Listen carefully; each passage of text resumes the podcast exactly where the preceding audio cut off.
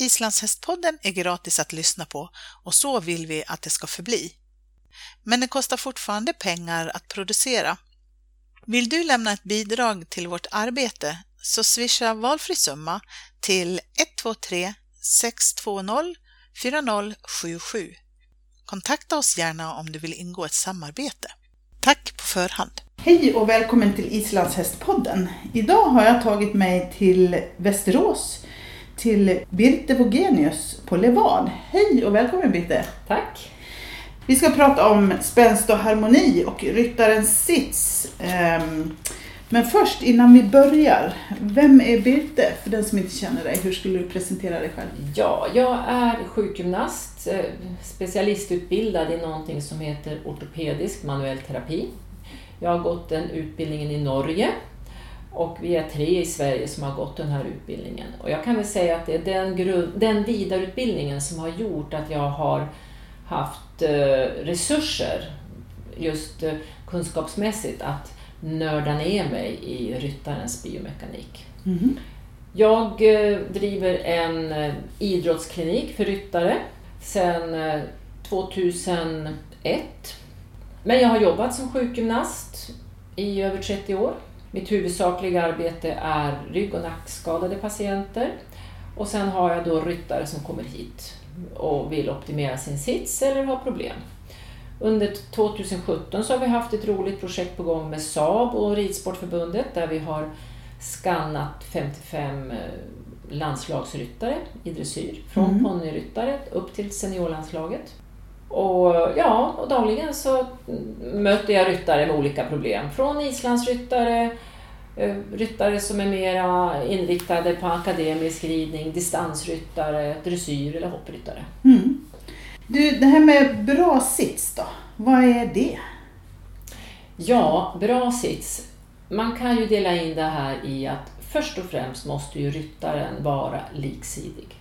Och det finns ju vissa hörnstenar som man måste ha på plats som ryttare. Och det är ju huvudets position, axlarnas position, höfternas rörlighet, en något sånär rörlig rygg. Och sen måste man faktiskt ha koll på sina fötter. Mm. Sen eh, när man drabbas av olika skador så får vi ju då kan det ju bli problem till exempel med en axel om vi har åkt i backen och fått en nyckelbensfraktur. Då kommer vi automatiskt hamna lite snett. Och vid sådana tillfällen då är det vettigt att komma till vår idrottsklinik och Mm. bli, bli rakriktad igen. Ja, precis. Man byter hjälm och eh, rakriktar sig på, på kliniken helt enkelt. Ja, Mm. Du, du pratade om rörlighet där. Är det skillnad mellan män och kvinnor? Hur är vi rörliga? Jo, det är en väldigt stor skillnad mellan kvinnor och män när det gäller rörlighet. Mm. Kvinnor har mycket mer elastisk, mer elastisk bindväv. De är mera mjuka, man kan säga att lite mer sladdriga, instabila ibland. Mm. Eh, De har mera stabilitetsproblem. Medan män, de är mycket styvare, stelare. Deras bindväv är mycket hårdare. Och de måste jobba med rörlighetsbefrämjande övningar. Mm. Och det, är- det är väldigt enkelt. De måste jobba aktivt med sina höftleder och med sin bröstrygg för att bli mjuka och följsamma. Medan kvinnor måste jobba med sin stabilitet för att bli följsamma Mm. Mm. Så det är skillnad. Ja, precis.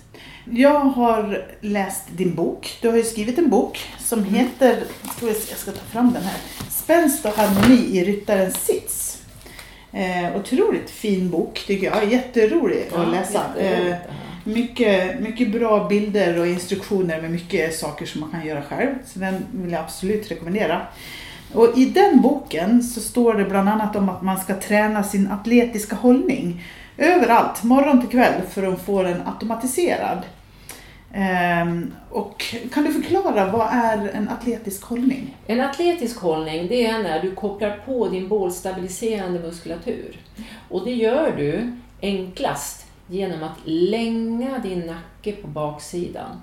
Då kopplar du på muskulaturen på framsidan på kotpelaren och du kopplar på den här behållaren av magmuskler som gör att bålen hålls på plats centrerad över hästen. Mm. Det här är en jättestor, enkel hjälp till alla ryttare som jag vill eh, kommunicera. Mm. Och idag när vi har en position vid paddan, vid datan, så har vi kommit väldigt långt ifrån den här atletiska positionen Mm. som kanske var mycket mer självklar för 20 år sedan. Mm. Och det är en sån där tanke som slår mig. Ofta så, så sitter man ju, eller i alla fall jag, vid datorn Mm. och sitter och jobbar och sådär. Jag kan stå men, men ofta så blir man ju Mm. sittande. Mm. Eh, kan man träna sin atletiska hållning sittande då? Oh ja, det är, det är bara att länga nacken och känna att man blir lång i sin bål. För det handlar just om längden i bålen. Mm. Att arbeta med sin längd, det är inte sit-ups vi Nej. talar om här, utan det är att skapa en längd som gör att vi kan bli spänstiga och få en bra grundtonus när vi rider. Mm. Mm. Om man har ont någonstans då? Ehm, Du pratade om axeln eller artros i knän är ju inte helt ovanligt eller i höfter eller vad det nu är. Ehm, Hur mycket påverkar det? Eh, Jag skulle vilja säga att det, det här påverkar i mycket högre utsträckning än vad vi kan tro. Mm. När vi sätter oss på hästen så blir vi ju helt plötsligt inte två kroppar utan vi blir en kropp som ska röra sig tillsammans ihop, välsynkroniserat och i balans. Och har vi till exempel en stel höftled på grund av artros eller vi kanske har dråsat av och slagit i höften Mm. och den har blivit stel av, mm, på grund av muskulatur eller en ledkapsel som har dragit ihop sig, då kommer vi hamna snett på hästen. Mm. Då drar vi oss åt den stela sidan och vår tyngdpunkt kommer ligga närmare den stela höften. Mm. Och då blir det eh, svårare att eh, få korrekta hörnplaceringar, passeringar, rida på volt, rida serpentiner. Mm. Hästen kommer bli störd av det här och framförallt vi själva kommer också bli störda av det. Mm. För vi är inte i våran balanslinje. Nej, precis. Men ehm, jag läser också någonstans om stabila skor. Det är Mm. viktigt. Ja, Vi har precis gjort en ryttaranalys på mig här, eh, vilket var otroligt intressant. Eh, och då, då mm, kom vi ner till fötterna så småningom. mm. Och fötterna är viktiga. Väldigt mycket viktigare kanske än vad man tror. Och just i den här boken så står det om skorna.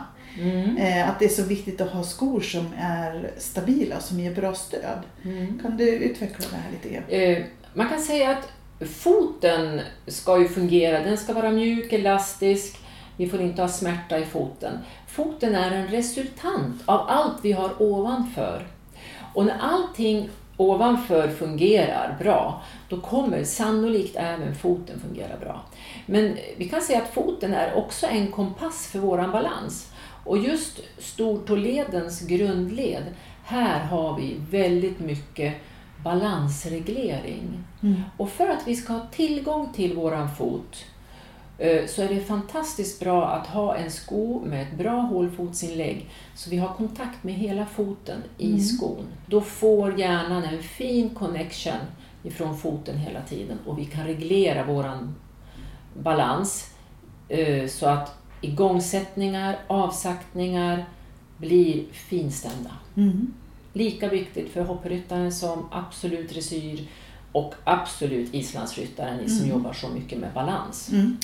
Det här med att andas eh, och spänningar, spänningar i ansiktet vet jag Mm. det står om. Eh, Mm. Skriver någonting om att man kan sjunga Mm. eh, för att dels få mindre spänning i ansiktet men också i diafragman som du sa där. Mm.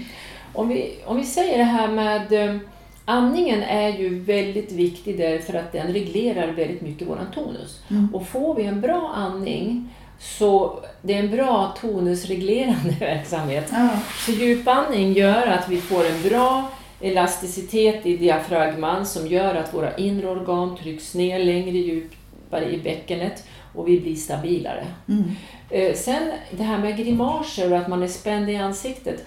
Har man en grimas när man rider så är det ett tecken på en balansproblematik eller en stabilitetsproblematik. Mm. Så hur, ansiktet är väldigt mycket en reagens på om någonting fungerar bra eller mindre bra. Mm, precis.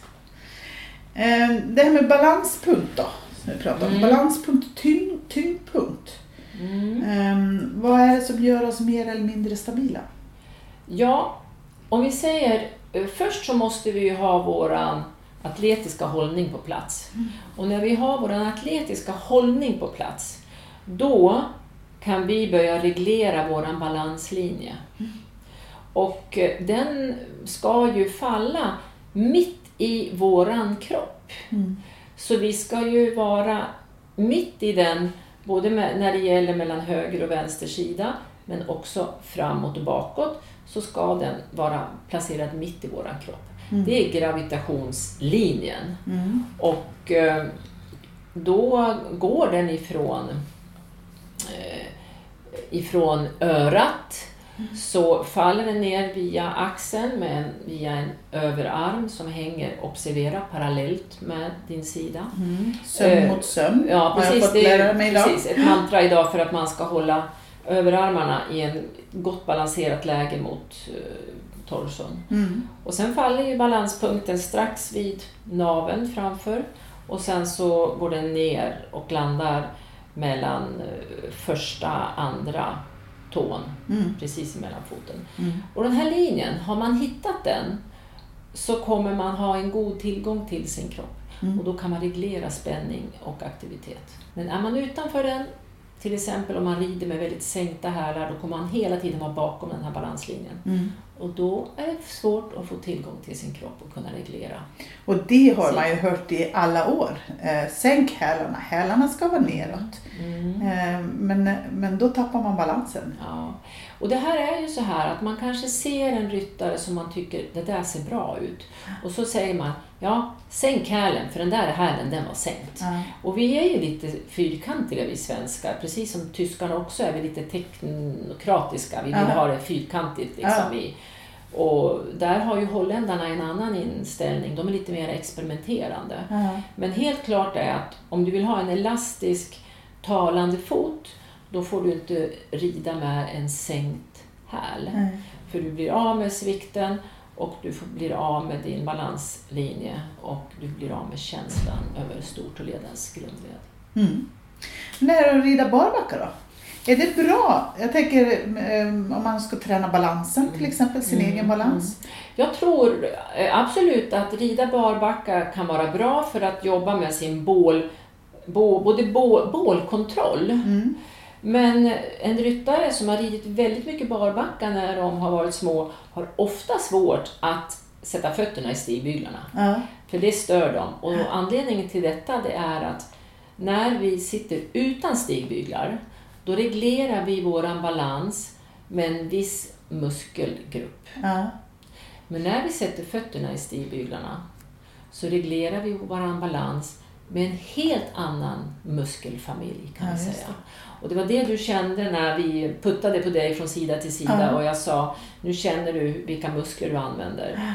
Och hade vi gjort samma sak utan stigbyglar då hade du känt att du hade arbetat med helt andra muskler. Mm.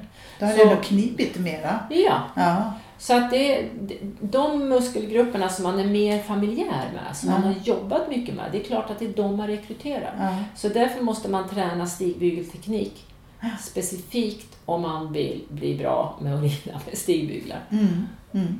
ja, precis. Ehm, men, men eh, att- rida i sadel men utan stigbyglar då? Bör man göra det? Jag tror att en del kommer ner, upplever att de hittar en balans eh, utan stigbyglar, att de sitter där i skritten. Och jag tycker väl att det är absolut inte fel, absolut inte. Det, det är... Oh nej. Eh, men jag tror det är lika viktigt att rida mycket lätt Mm. för att hitta sin balanslinje. Mm. Och det är ju någonting också som gagnar hästen väldigt. Mm. Att vi rider lätt och inte belastar hästens rygg så mycket. Ja, precis. Och det har jag fått träna på idag. Mm. och hitta balansen och hitta en bra lättridning. Det var också väldigt eh, spännande. Ehm, finns det någon quick fix på balans? Kan man bli snabbt bättre, bättre i balans? Ja, det finns det. Nummer ett, det är att ha ett rätt fokus. Att ögonen fokuserar exakt rakt fram. Mm. Att man hittar den atletiska positionen och man hittar... Då har man ju fått kontroll på sin bollkontroll. Ja. Och sen att man hittar sina stortåars grundled. Och sen precis det som du sa, djupandning. Mm. Då har vi muskeltonus på plats, vi har våran kompass i skallen på plats och vi har fantastiska receptorer under fötterna eh, tillgängliga Mm. för att vi ska kunna reglera den här farten och centrifugalkraften. Mm. Eh, Det här med att vara följsam eh, pratar man en del om. Eh, Är det samma sak att vara följsam som att vara rörlig? Jag upplever inte det, utan jag tänker mig att vara följsam, det är när ryttaren är med i hästens rörelse. Inte före, inte efter. Och då innebär det att du måste faktiskt ha en viss grundspänning, för om du bara sitter och slappnar av i sadeln så kommer du konstant vara efter hästens rörelse. Mm.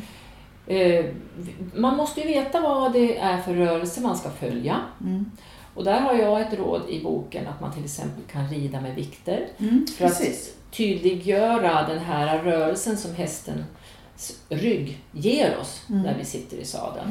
Så Och då är det vikter som man har runt fotlederna. Ja, Mm. Hur mycket väger de? ja, man kan ha mm, ett och ett halvt kilo Mm. och då blir man väldigt avspänd i benen.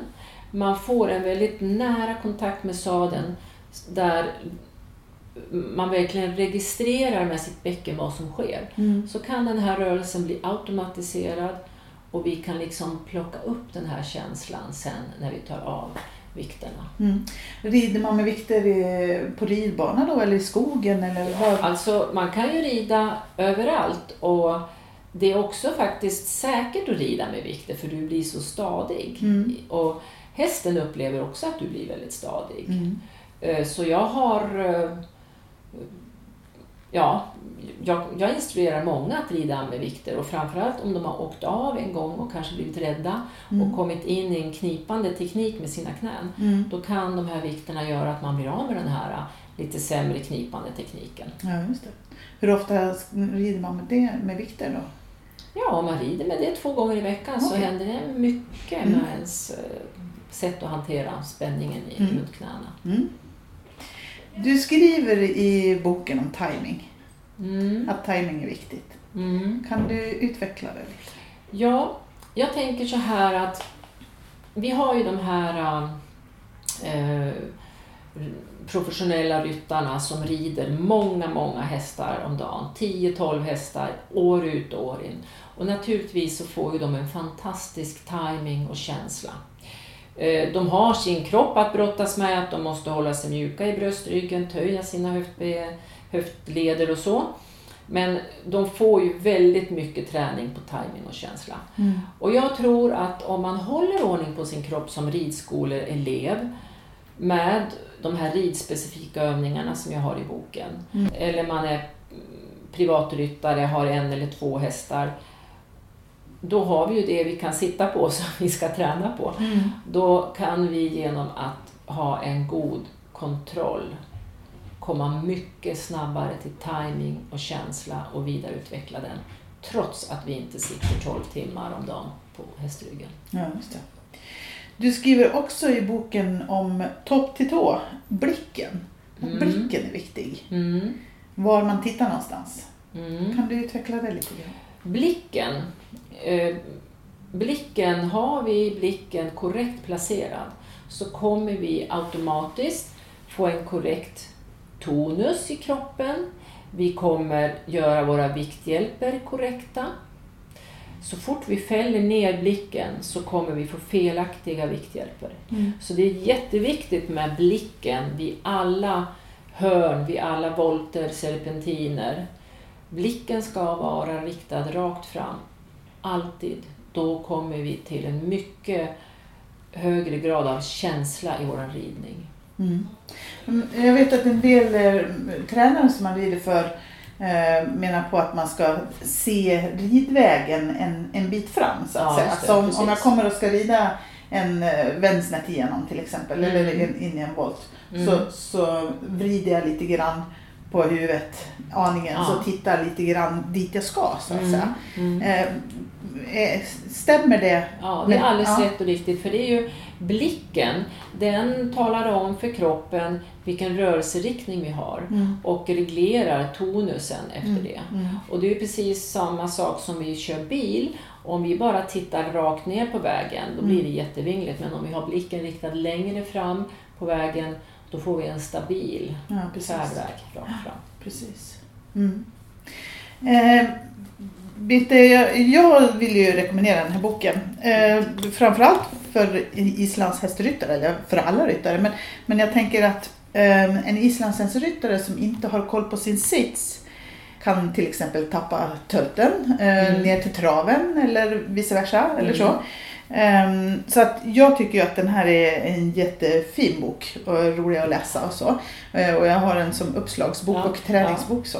Jätteroligt Eh. att höra, jätteroligt. Ja, eh, sen så tänker jag att eh, nästa program som vi har med dig så ska du få berätta om den här ryttaranalysen som vi har Yes. gjort.